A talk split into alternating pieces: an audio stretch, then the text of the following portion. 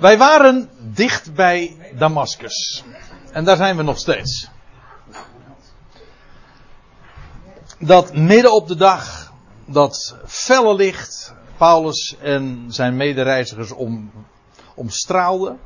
En dat ze dan een stem horen. Dat wil zeggen, zij horen stemgeluid, maar daar kom ik nog even op terug. En in elk geval, Paulus hoorde, of Saulus toen nog, hoorde zeggen: Saul, Saul, uh, waarom vervolg je mij? En daar hadden we het uh, zojuist al even over. Saul, dat dus herinnert aan de naam van de vervolger van David, van de zoon van David in dit geval. En wat vervolg je mij? Die identificatie tussen Christus en de gemeente Gods. De kiem van de verborgenheid. En zojuist in de pauze hadden we het er nog eventjes over met, uh, met diverse. Over ja, wat daar aan, aan vast zit. Toch in de praktijk. Je zou dat misschien niet in de eerste instantie zo zeggen. Maar die vraag van wanneer de, dat lichaam van Christus begon. Wanneer begon die, die Ecclesia? Uh, wanneer is die Ecclesia ontstaan? Vanaf welk moment? Op het eerste gezicht zou je zeggen, nou, zo'n erg technisch verhaal, wat doet dat eigenlijk ter zake? Maar het antwoord bepaalt namelijk nogal wat andere zaken ook. En het heeft bijvoorbeeld ook te maken met de vraag: wat is de rol van de twaalf? Die, al die gelovigen die hier tot dusver waren, maakten, maken die ook deel uit van dat lichaam van Christus, ja of nee? Ik zat met mijn gedachten. Ben Ah. Ja, ik zeg het maar eerlijk, dus ik hoorde hem niet zo goed. Ja, dat. Uh, ben u er allemaal? Want uh, anders moet ik het misschien nog, nog een paar keer gaan zeggen. nee, de vraag wanneer ontstond de gemeente? Wanneer ontstond de gemeente Gods? Dat raakt nogal wat andere onderwerpen ook. Het, uh, het belang van het antwoord is meer dan alleen maar een technische verhaal. Het heeft dus te maken met de vraag ook, de twaalf apostelen, maken die ook deel uit van het lichaam, de gemeente? Ja, nou in uh, Efeze 2, uh, dat vind ik misschien wel het mooiste antwoord daarop. Uh, daar lees je dat de twee die er waren. Nou, laten we er even naartoe gaan. Het liefst zou ik, ik zei het zojuist in de pauze dat ook al even. Het liefst zou ik daar eens een keertje gewoon een heel apart onderwerp, of een aparte avond, of misschien zelfs een paar avonden aanwijden. Over deze vraag, omdat het nogal wat andere onderwerpen ook raakt, zoals gezegd. Maar omdat het nu zo ter sprake kwam in verband met die roeping van Saulus, wat vervolg jij mij? Wil ik even dus wijzen op Efeze 2. Daar staat in mijn Bijbeltje boven vers 11 de eenheid der gemeente. En daar gaat het over dat er in die Ecclesia uh, twee groepen zijn. Dat wil zeggen, voorheen waren dat twee groepen die strikt van elkaar gescheiden waren. Daar wordt aan de ene kant gesproken over de natieën, de voorhuid, en over de besnijdenis. U leest dat in vers 11, 12, 13. En dan staat er in vers 13, maar thans in Christus Jezus zijt gij, natieën, die eertijds veraf waart, dichtbij gekomen door het bloed van Christus. Want hij, Christus, is onze vrede, die de twee, namelijk Jood en Heiden, besnijdenis en voorhuid, één gemaakt heeft. En de tussenmuur, die scheiding maakte, de vijandschap, weggebroken heeft, doordat hij in zijn vlees de wet der geboden in besluiten bestaande buiten werking gesteld heeft. Nou, is een hele mond vol. Er staat heel wat. Ik wil dat nu allemaal niet in detail bespreken, maar één ding moet duidelijk zijn. Er waren twee groepen. Niet waar? Die strikt van elkaar gescheiden waren. Namelijk door een muur. Van de wet der geboden. Ook nog met allemaal besluiten en dogma's en om overleveringen daaromheen. Maar in elk geval, Jood en Heiden waren van elkaar gescheiden.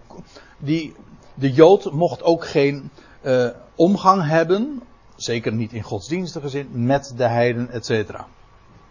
Nou, die twee in de, In de Ecclesia was dat namelijk ook. Kijk het maar na in het boek Handelingen. Daar lees je ook echt over. De, worden er, wordt er gesproken over twee groepen: over de Joden met hun gebruiken. En over de natieën die dat alles niet hadden. Wel, Paulus is degene die met name in zijn gevangenisbrieven maakt hij dat helemaal sterk uh, duidelijk. Die twee zijn één gemaakt en dat wat er tussen stond, dat is afgebroken, bestaat niet meer. Binnen dat lichaam van Christus. En dan heb je uh, nog wat verder in dat hoofdstuk wordt er gesproken over het in vers 20 vers 19. Zo zijt gij, jullie, natie, geen vreemdelingen en bijwoners meer, maar medeburgers van de heiligen en huisgenoten gods, gebouwd op het fundament van de apostelen en de profeten. De profeten gaat hier niet over de, de profeten van het Oude Testament trouwens. Het gaat hier over de profeten, degene die het Gods woord doorgaven in het Nieuwe Testament. Dat blijkt wel, want uh, Christus Jezus is de hoeksteen. Bij hem begon het, vervolgens de apostelen en de profeten. Ja, dus Christus Jezus is de hoeksteen. Bij hem begon dat bouwwerk. Hier dus even niet het beeld van een lichaam, maar het beeld van een bouwwerk. Een hoeksteen. Een fundament. Namelijk de apostelen en profeten. En vervolgens, waarvan Paulus dus de laatste is. En eh, daarop eh, dat huis die woonsteden Gods in de geest. Als je trouwens nog even verder leest. Wat trouwens hier ook uitblijkt, en dat, daar hadden we het natuurlijk dus ook al even over. De apostelen maken gewoon deel uit van dat bouwwerk dus. En niet een onbelangrijk eh, aandeel daarin. Integendeel, fundamenteel. En dat, ik bedoel het zoals ik het zeg. Namelijk het fundament. De apostelen vormen het fundament. En er wordt hier geen onderscheid gemaakt, gewoon de apostelen. En Paulus was van die apostelen de laatste. Vandaar ook dat, die, dat het idee dat de gemeente zou beginnen, of begonnen zou zijn bij Paulus, als dat het idee zou zijn, dan betekent het dus dat de gemeente begonnen is, A, niet met Christus, maar met uh, een, een, een mens, namelijk Paulus. Maar dan vraag ik me af, waar zijn die apostelen, wie zijn die apostelen dan? Paulus was toch de laatste van de apostelen? En dan zeggen ze, ja, er zijn nog andere apostelen. Maar dan zeg ik, dat kan niet. Paulus was de laatste.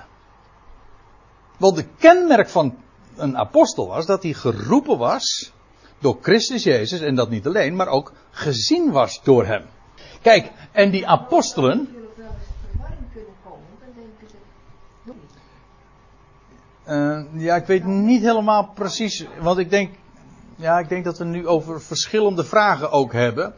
Kijk, waar ik het nu even over heb. Ja, ik, ik, ik begrijp je punt. Ik begrijp je punt. Ik, vraag, ik zit me alleen even af te vragen. Hoe uh, moet ik de link leggen tussen het een en het ander? Kijk, de vraag nu is even. Wanneer is die Ecclesia ontstaan? En wie zijn. En het fundament van die apostelen. Van, de, van die gemeente. Dat is. Of dat zijn. De apostelen. Waarvan Paulus de laatste is. Maar dat betekent dus dat die Ecclesia er al was. Fundamenteel. Voor de roeping van Paulus. Maar dat zie je hier ook. Hij, er wordt ook tegen hem gezegd. Wat vervolg je mij? Die gemeente. Hij vervolgde de gemeente God. Die gemeente God was er dus al. En aan die gemeente God zijn hele nieuwe dingen bekendgemaakt. Middels de apostel Paulus. De natieën zijn erbij gekomen. En, en aan hem zijn, en via hem zijn zoveel dingen geopenbaard. Want dat is natuurlijk wat in Efeze 3 vervolgens aan de orde komt. Dat is dat Paulus zegt, uh, ja, vers 1. Uh, ik ben, ik, Paulus, die ter wille van Christus Jezus voor u, natieën in gevangenschap ben. En dat mij, vers 3, door openbaring het geheimenis bekendgemaakt is. Dat wil dus zeggen, voordat Paulus geroepen werd, in ieder geval, was dat alles nog volkomen onbekend. Wat hij hier allemaal neerlegt en optekent, was onbekend. Want het is namelijk aan hem door openbaring bekendgemaakt. Er was, ja, hij noemt dat elders ook mijn evangelie. Dat betekent dus dat de twaalf, maar ook dus de Bijbelschrijvers, Jacobus, Petrus en Johannes, van al die dingen niet op de hoogte waren. Zij richtten zich uitsluitend tot de besnijdenis, dat was hun bediening ook. En hun geschriften worden straks ook weer bijzonder actueel wanneer deze fase in de heilsgeschiedenis voorbij is. Jacobus, Petrus en Johannes waren van die dingen niet op de hoogte. En later uh, wel. En in hoeverre het kwartje helemaal bij hen gevallen is dat, is, dat blijft de vraag. Maar doet feitelijk ook niet de zaken. Van Petrus lees je dat hij later zegt van ja, als je echt wil weten hoe het zit, dan moet je bij Paulus wezen het is allemaal zwaar om te verstaan, want het was natuurlijk een, een totaal ander eh, verhaal, een, heel een hele nieuwe lijn. En Paulus benadrukt in de hele gelaten brief ook, of met name die eerste twee hoofdstukken, hoe zijn bediening uniek is. En dat hij zegt van ja, dat wat ik vertel, dat heb ik niet van een mens, ik heb het niet van mijn collega-apostelen. Ben geroepen door Christus Jezus zelf. En ook onderwezen door Christus Jezus zelf. Hij is niet alleen geroepen toen op de weg naar Damascus door Christus. Maar ook vervolgens is hij door hem onderwezen. Hij is naar de woestijn van Arabië gegaan. En daar heeft hij onderwijs gekregen. Zijn hem dingen geopenbaard, bekendgemaakt. Hij heeft het opgetekend in brieven. Ja, dat is een, hele, een, een heel nieuw hoofdstuk, een totaal nieuwe wereld. De natieën die kwamen in zicht. Het was zelfs zo dat daarmee ook de rol van Israël als volk voorlopig ten einde was. En reken maar dat dat ook voor de twaalf een ontzettend moeilijk te verteren verhaal is geweest. Zij dachten dat het koninkrijk zou aanbreken. Israël zou geloven. Ja. En dan blijkt Israël niet te geloven en is vijandig ten opzichte van het evangelie. En op het dieptepunt, namelijk de steniging van Stefanus, als, als het volk officieel afstand doet van, het, van dat evangelie van de opgestane Messias, dan komt Saulus van Tarsus in, in de picture. Maar dan gaat het ook een compleet andere wending krijgen, want dan gaat het naar de natie. En de hele voorrangsrol van Israël komt te vervallen. Maar dat is moeilijk.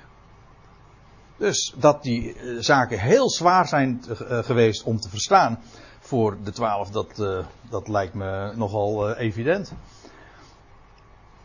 Maar ja. Sorry? houden nog niet zo van Paulus. Keren gehoord. Nou, ja, ja het, eh, maar in het algemeen is alles wat, ja, alles wat hij naar voren brengt, is moeilijk. Ja, nou ja, moeilijk is het vooral vanwege uh, het conflict dat het oplevert met alle traditionele inzichten. Maar ja, dat is in alle opzichten zo, ja. Nee. Maar, goed, ik, ik zei al, eigenlijk is dit dus een heel onderwerp apart. Ik snij dit aan. Ik ontkwam er ook niet aan om er even op te wijzen van dat je hier in de kiem al die verborgenheid uh, ziet. Waar heb u trouwens uw Bijbeltje nu bij? Uh, nog steeds bij Efeze 3, want daar, want daar ging ik nog even naartoe. Dat, ineens realiseer ik me dat ik dat nou vergeten ben te zeggen.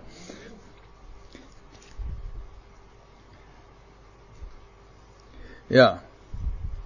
Dan zegt, want uh, ik, ik, wees al even op uh, vers 3 van Efeze 3, dat Paulus zegt dat, dat mij door openbaring het, het geheimenis bekendgemaakt is. En dan zegt hij ook in vers uh, 5 uh, dat ten tijde van vroegere geslachten niet bekend is geworden aan de, aan de kinderen, aan de zonen der mensen, zoals het nu door, of zoals het nu in geest, letterlijk, uh, geopenbaard is aan de heiligen, zijn apostelen en profeten. Dat wil zeggen, ook aan de apostelen is dit alles bekendgemaakt. Ja, via wie? Nou, door, via Paulus natuurlijk. Want het is door openbaring aan hem bekendgemaakt. Maar primair ook aan de apostelen en de profeten. En welke apostelen? De apostelen. Nou, wie zijn de apostelen? Nou, Lucas nou net weer niet. Maar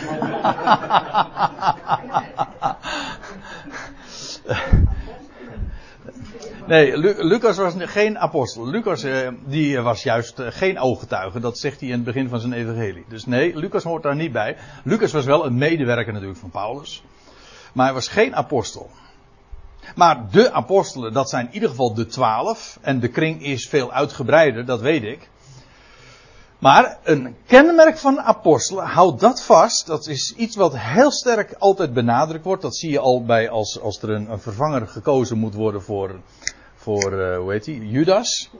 Dan wordt er ook als kenmerk gegeven dat hij een ooggetuige moest zijn van de opgestane Christus. En Paulus zegt ook, ben ik geen apostel? 1 Korinthe 9 vers 1 zegt hij dat. Ben ik geen apostel? Heb ik niet Christus, onze Heer, gezien? En hij zegt, ik ben de laatste der apostelen, want hij is als laatste een getuige geweest van de opgestane Heer en door hem geroepen en afgevaardigd. En afgevaardigd dat betekent dus ap, een apostel, want dat is wat het woord apostel betekent. Afgevaardigd. Afgevaardigd met een speciale bediening.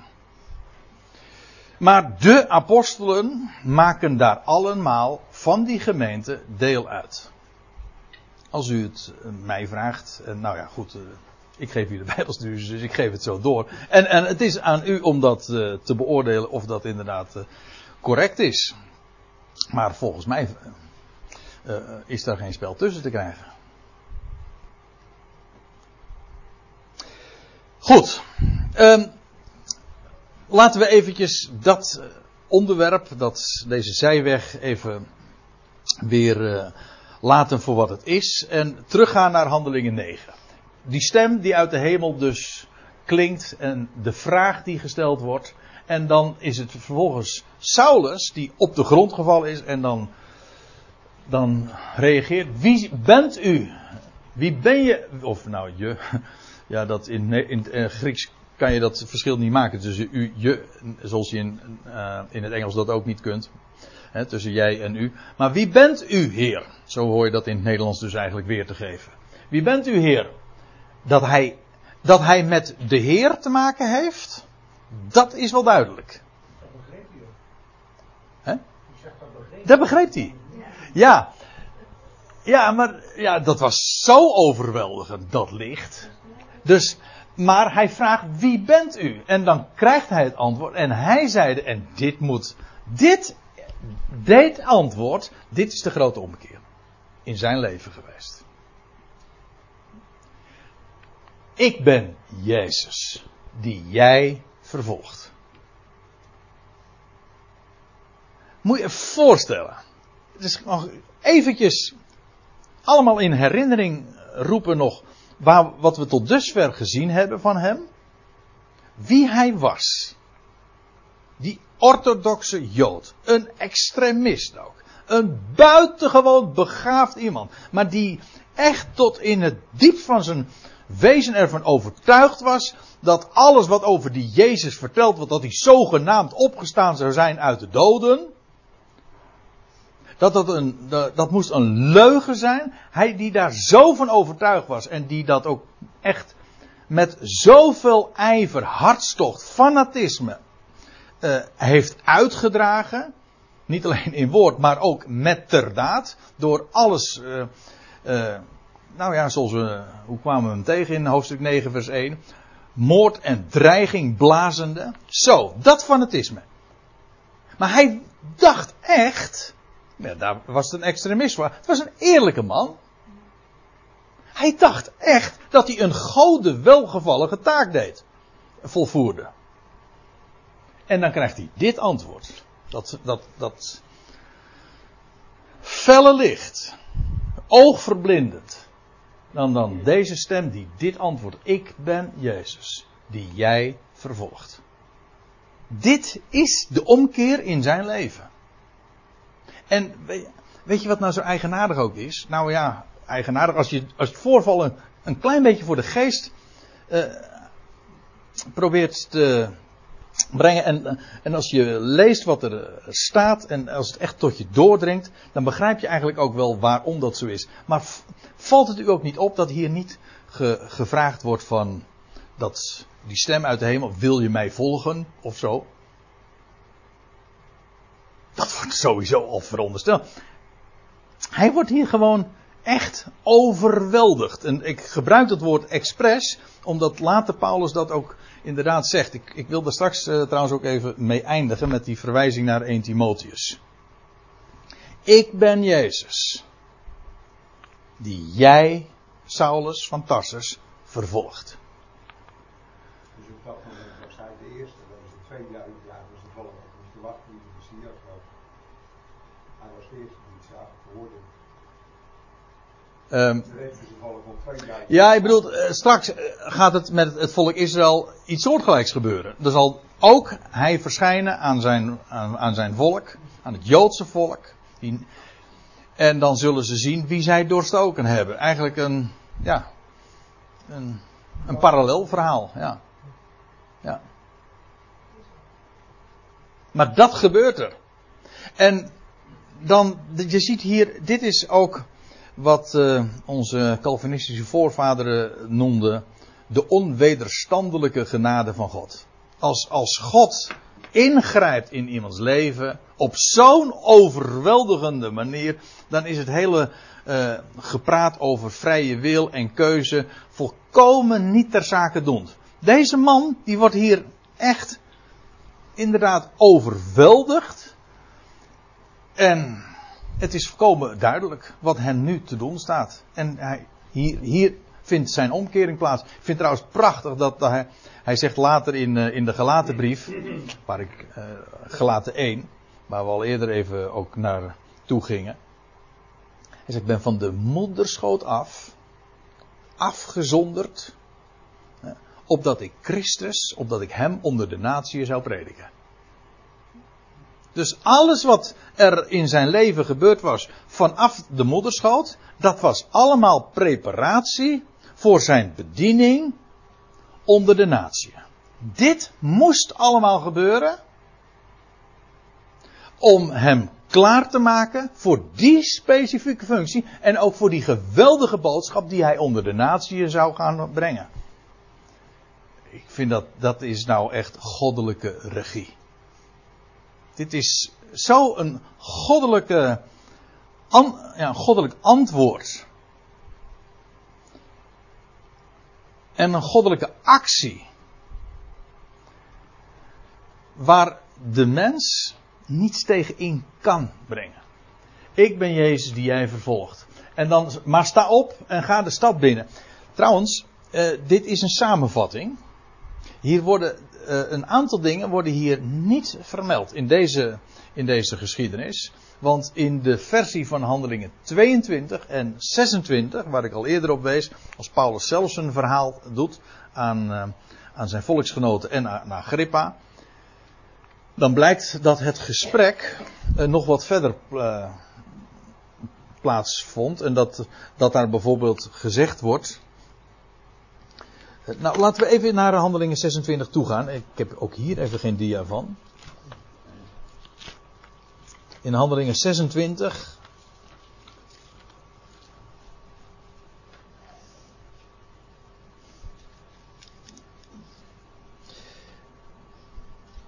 Er is een uh, verschil met vers 7 van handelingen 9.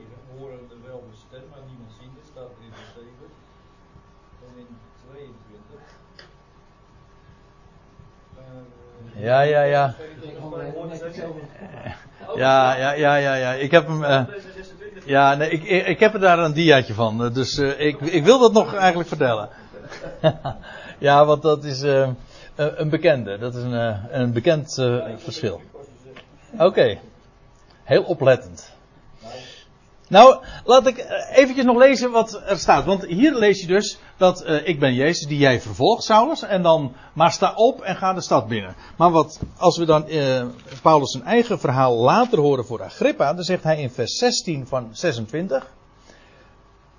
En de Heere zeide, ik ben Jezus die jij vervolgt. Maar richt u op en sta op uw voeten. Nou, dat klopt, dat staat hier ook. Of ja, dat klopt, of in ieder geval, dat komt overeen met wat we hier ook lezen. Want hiertoe ben ik u verschenen om u aan te wijzen als dienaar en getuige daarvan dat gij mij gezien hebt en dat ik aan u verschijnen zal.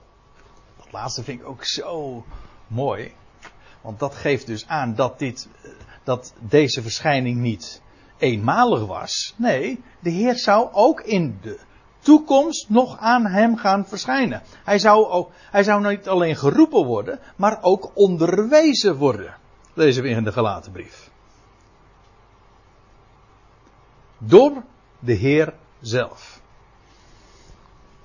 En dat gij mij gezien hebt en, en dat ik aan u verschijnen zal, u verkiezende uit dit volk en de heidenen, de natieën, waarheen ik u zend, om hun de ogen te openen tot bekering, tot opdenken, uit de duisternis tot het licht en van de macht van de tegenstander tot God, opdat zij vergeving van zonde en een erfdeel onder de geheiligden zouden ontvangen door het geloof in mij. Ziet u, dat is allemaal nog, maakt deel uit van het antwoord wat hij vanuit de hemel krijgt. Zodat in handelingen 9 niet alles vermeld wordt. Maar dat hadden we al eerder gezien. Goed. Als we het uh, over handelingen 26 nog een keertje gaan krijgen, dan zal dat ongetwijfeld ook aan de orde komen. Maar we zijn nu nog maar in handelingen 9. Uh, sta op, ga de stad binnen en daar zal u gezegd worden wat gij doen moet. Uh, dat moet, er staat in het Grieks hier echt moeten. Dat wil zeggen, het is noodzakelijk. Het is bindend. Dat zal gebeuren. Daar, daar kom je niet onderuit. En de mannen, oh ja, nou komen we op de vraag van uh, Fred zojuist. Nee, het hoeft ook niet. en de mannen die met hem reisden, stonden sprakeloos. Nou, dat lijkt mij nogal evident en ook logisch. Want, eh, dan lees je, daar zij wel de stem hoorden, maar niemand zagen. We zagen dus eerder al in uh, een paar versen terug dat zij uh, ook het licht. Oh nee, dat zagen we in Handelingen 26, hè, dat ze het licht zagen. En ook, ook vielen. We zagen dat. En, maar let eens even op, zoals het precies staat. Er staat hier, dat lijkt nou heel erg pieterpeuterig wat ik er nou aan toevoeg, maar het staat hier in een tweede naamval, dat wil zeggen, ze hoorden van stem, of van de stem. Dat wil zeggen, niet de stem zelf, niet wat er gezegd werd, maar ze hoorden van de stem. Namelijk het, het geluid, het stemgeluid. Uh, maar ze zagen niemand. Wat er. Zij zagen het licht, dat hebben we gezien. Ze zagen het licht, daardoor vielen zij ook. Dat, is, dat trouwens wat we, wat we wel vaker zien. Als de heerlijkheid van de Heer zich openbaart en dat mensen op hun aangezicht vallen. Zo overdonderend als dat is. Ik bedoel dat gewoon letterlijk zoals ik het zeg. Ja, dan val je echt van je sokkel als je zo, zulke dingen ziet. En zij zagen licht en zij hoorden stemgeluid, maar Paulus zag de Heer zelf. En hoorde hem, hoorde hem spreken. En hoorde ook wat hij zegt. Wat hij zei en verstond wat hij zei. Het zou zelfs nog kunnen dat de, de medereizigers, dat weet ik niet, maar de medereizigers geen Hebreeuws uh, kenden. Dat weet ik niet. Maar het zou zomaar een, een, optie kunnen zijn. In elk geval, ze hoorden wel geluid. Want, laten we nou even naar hoofdstuk 22 vers 9 gaan. Want deze, deze twee versen, die Handelingen 22 vers 9 en Handelingen 9 vers 7, dat is een, een heel bekend voorbeeld van een zogenaamde tegenstrijdigheid in de Bijbel. Het is jaren geleden dat ik dat al eens een keer las in een boek van, uh, van professor Kuitert. Die uh, ook aangaf dat uh, Lucas zich soms ook maar vergiste. Ja, echt waar. Lucas vergiste zich, want hij gaf twee verschillende versies die niet met elkaar in overeenstemming zijn. Want in Handelingen 9 lees je, ze hoorden wel de stem, maar ze zagen niemand. En in Handelingen 22 vers 9 lees je, en zij die met mij waren, zagen wel het licht. Maar de stem van hem die tot mij sprak, hoorden ze niet. Ja, dat is tegenstrijdig, toch? Nou, eigenlijk heb ik het antwoord al gegeven, want het is helemaal niet tegenstrijdig. Wat ze zagen, niemand. Dat staat hier. Ja, zo was het ja. In Handelingen 9 vers 7, daar lees je. Maar zij hoorden wel stem, maar zij zagen niemand. Maar staat in Handelingen 22 vers 9 dat zij wel hem zagen? Nee, ze zagen het licht. Paulus, Saulus hier nog, die zag de gestalte. Die zag hem. Ik heb, Paulus zegt later dus, ik heb Christus onze Heer gezien. Zij, Paulus heeft dus echt de gestalte zelf gezien. Ze, hij, Paulus zag hem. Zij zagen hem niet, ze zagen het licht. Waardoor ze overdonderd werden. En wat dat stemgeluid betreft. Uh, hier staat ze, ze, daar zij wel de stem hoorden en hier lees je, maar de stem van hem die tot mij sprak hoorde zij niet. Is dat een tegenstrijdigheid? Ja, op het eerste gezicht wel, maar bij nader inzien niet. Want je kunt een stemgeluid horen, maar niet verstaan. Je hoort, je hoort stemgeluid, maar dat je totaal niet weet wat er gezegd werd. Nou, dat is hier het verhaal. Dat wil zeggen, ze hoorden, pardon, ze hoorden wel van de stem, namelijk dat wat de stem produceert en met de stem meekomt, namelijk geluid. Wel, dat onderscheiden zij, maar wat er gezegd werd, dat hebben zij niet gehoord. En waarom ze het niet hoorden, omdat ze de taal niet spraken, bijvoorbeeld, ik noemde die optie. Het kan natuurlijk ook gewoon zijn omdat ze op te grote afstand zich bevonden. Zij hoorden in elk geval niet wat er gezegd werd. Nou, en daarmee is die zogenaamde vergissing van, van Lucas, of die tegenstrijdigheid in de beide verslagen, gewoon als sneeuw voor de zon ver, verdwenen. Ja, de feilbaarheid van, uh, van deze theoloog. Ja, dat is een. Uh, ja, zo zie je dat zelfs theologen wel eens een keertje een foutje maken.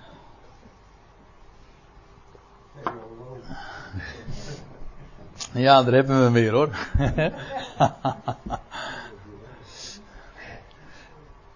maar, uh, ja?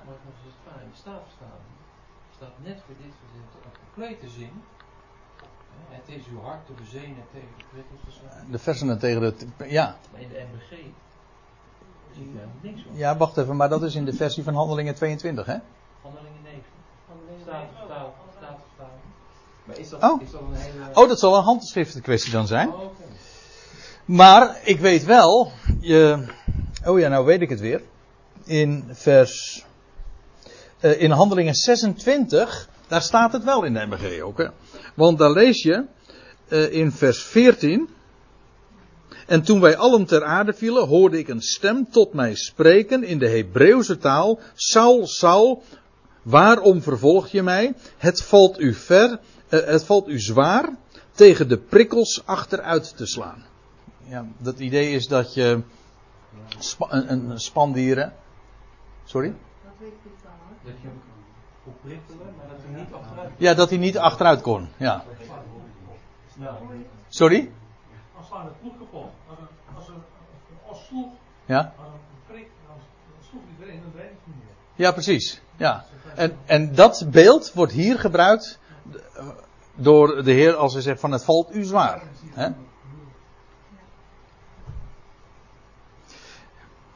Dus in Handelingen 26 vind je die zin wel.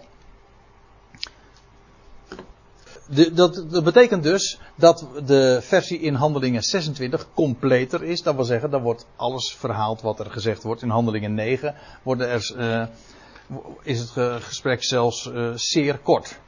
Eén vraag van Paulus, wie bent u Heer? En vervolgens het antwoord van de Heer in een verkorte versie. Ik wilde nog zo graag eventjes. Vindt het goed als ik hem nog even lees? 1 Timotheus, daar hebben we het commentaar van Paulus. Daar zegt hij dit. Ik hoop het gewoon voor te lezen zonder al te veel commentaar. Paulus zegt daar: eh, Ik breng dank aan hem die mij kracht geeft. Auris, die mij kracht geeft. Christus Jezus, onze Heer, dat hij mij getrouw geacht heeft. Waarom? Omdat hij hem ook bekwaam maakte. Daar hij mij in de, daar hij mij in de bediening stelt. Daar hij mij plaatst in de bediening. Daarom acht hij hem betrouwbaar. Dus het is, het is het werk van de Heer. En dan, hoewel ik vroeger een godslasteraar, blasfemisch staat er, een lasteraar, niet zozeer een godslasteraar, maar een lasteraar, een blasfeem, een, en een vervolger en een geweldenaar was. Een geweldenaar, een extremist, een vervolger. Nou, we hebben dat allemaal gezien. Maar ook een lasteraar. Het was blasfemisch, want hij, wat hij deed, het kostbare woord van God, het evangelie van de opgestane Messias, waar de, immers de hele de verwachting van, van het Jodendom op gericht was, dat, dat bestreed, dat vervolgde hij. Nou, dat is blasfemisch. Als je God zo voor de voeten loopt. Hoewel ik vroeger een godslasteraar, een vervolger en een geweldenaar was. Maar mij is ontferming bewezen. Omdat ik het in mijn onwetendheid uit ongeloof gedaan heb. Daar hebben we nog niet zo lang geleden, Ed, herinner je nog een eh, heel gesprek over gehad. Over deze, over deze zinsnede. Want dit is niet verzachtend. Het is niet zo dat Paulus zegt van ja, nou ja, ik kon er ook niet zoveel aan doen of zo. Dus eigenlijk eh, was ik helemaal niet zo slecht. Nee, het, idee, het is juist dat Paulus zegt van ik was, ik heb het in onwetendheid gedaan. Onwetend over wat? Wel onwetend aangaande Gods genade.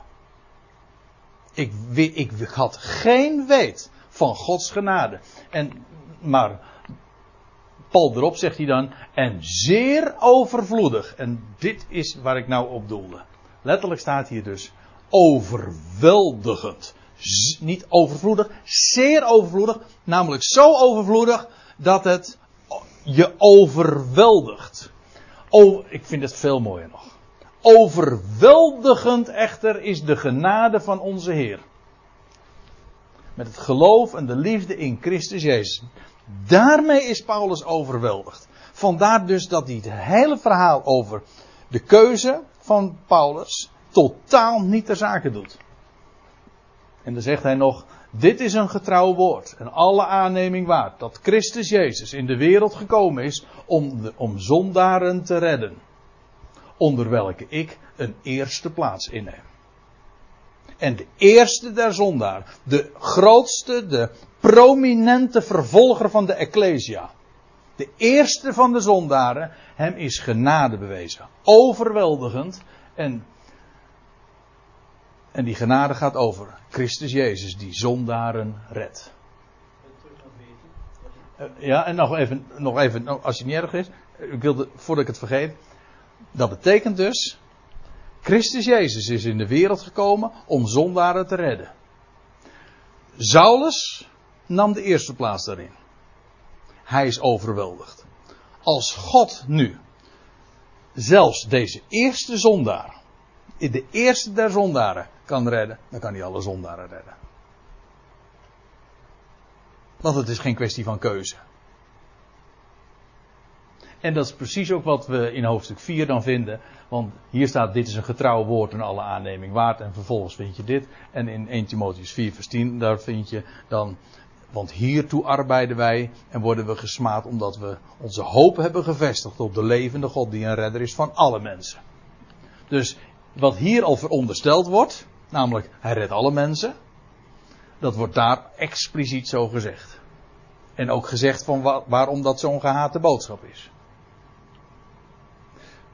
En jij zei, ik moest nog even terug naar vers 14. Ja, ik struikelde over een vertaaldrukje, denk ik, want er staat daar weer met het geloof en de liefde in Christus Jezus.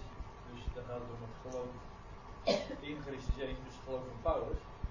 Maar als ik naar de staatvertaling, dan staat het de geloof en liefde die er is in Christus Jezus. Ja, dat, dat is namelijk ook wat er staat. Met geloof en liefde die is in Christus Jezus. Ja, het is dus niet eh, ons geloof en onze liefde eh, richting Hem. Nee, het is het geloof en de liefde die, die er is in Christus Jezus.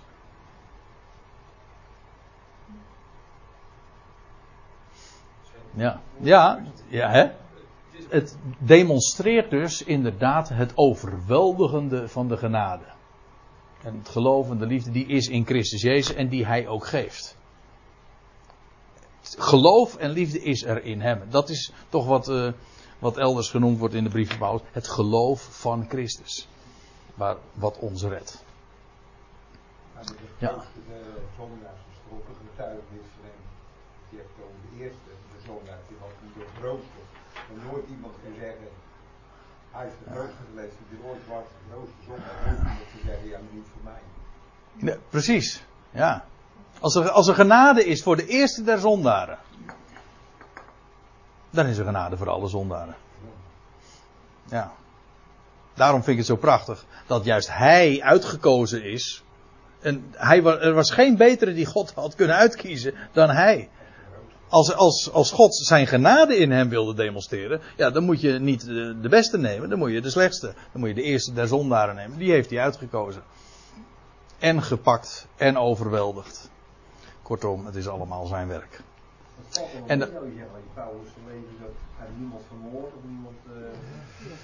eh, Nou, het, eerste wat hij, wat hij doet is natuurlijk vermoorden. Hij zegt, ik ben een, ik ben een vervolger, een geweldenaar. Ja, het is geen, ja, maar het is niet, ik zeg van een crimineel, want een eh, schurk. Was niet een, een rechtschapen man. Ja, maar dan zie je dus ook. Eh. Ja, precies ja. Dat zie je bij de IS ook, ja. Dat zijn, dat zijn geen schurken, maar die zijn juist godsdienst kan zo een mens verblinden. En wat is heel eigenaardig, hij zegt ook eh, in de Filippense brief, eh, ik ben de, hij zegt, ben, eh, ik ben een Hebreeër uit de Hebreeën op de achtste dag besneden van een Farizeeër en naar de ijver der wet eh, onberispelijk. En naar mijn ijver een vervolger der gemeente. Dus als het gaat om mijn ijver, nou dan kan ik echt wel erg op, op iets me laten voorstaan.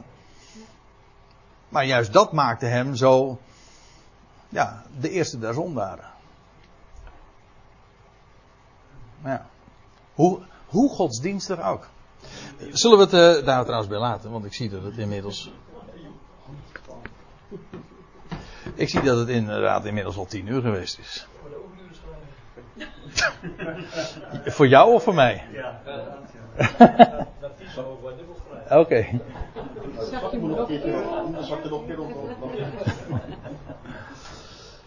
Zullen we met elkaar nog onze Hemelse Vader danken?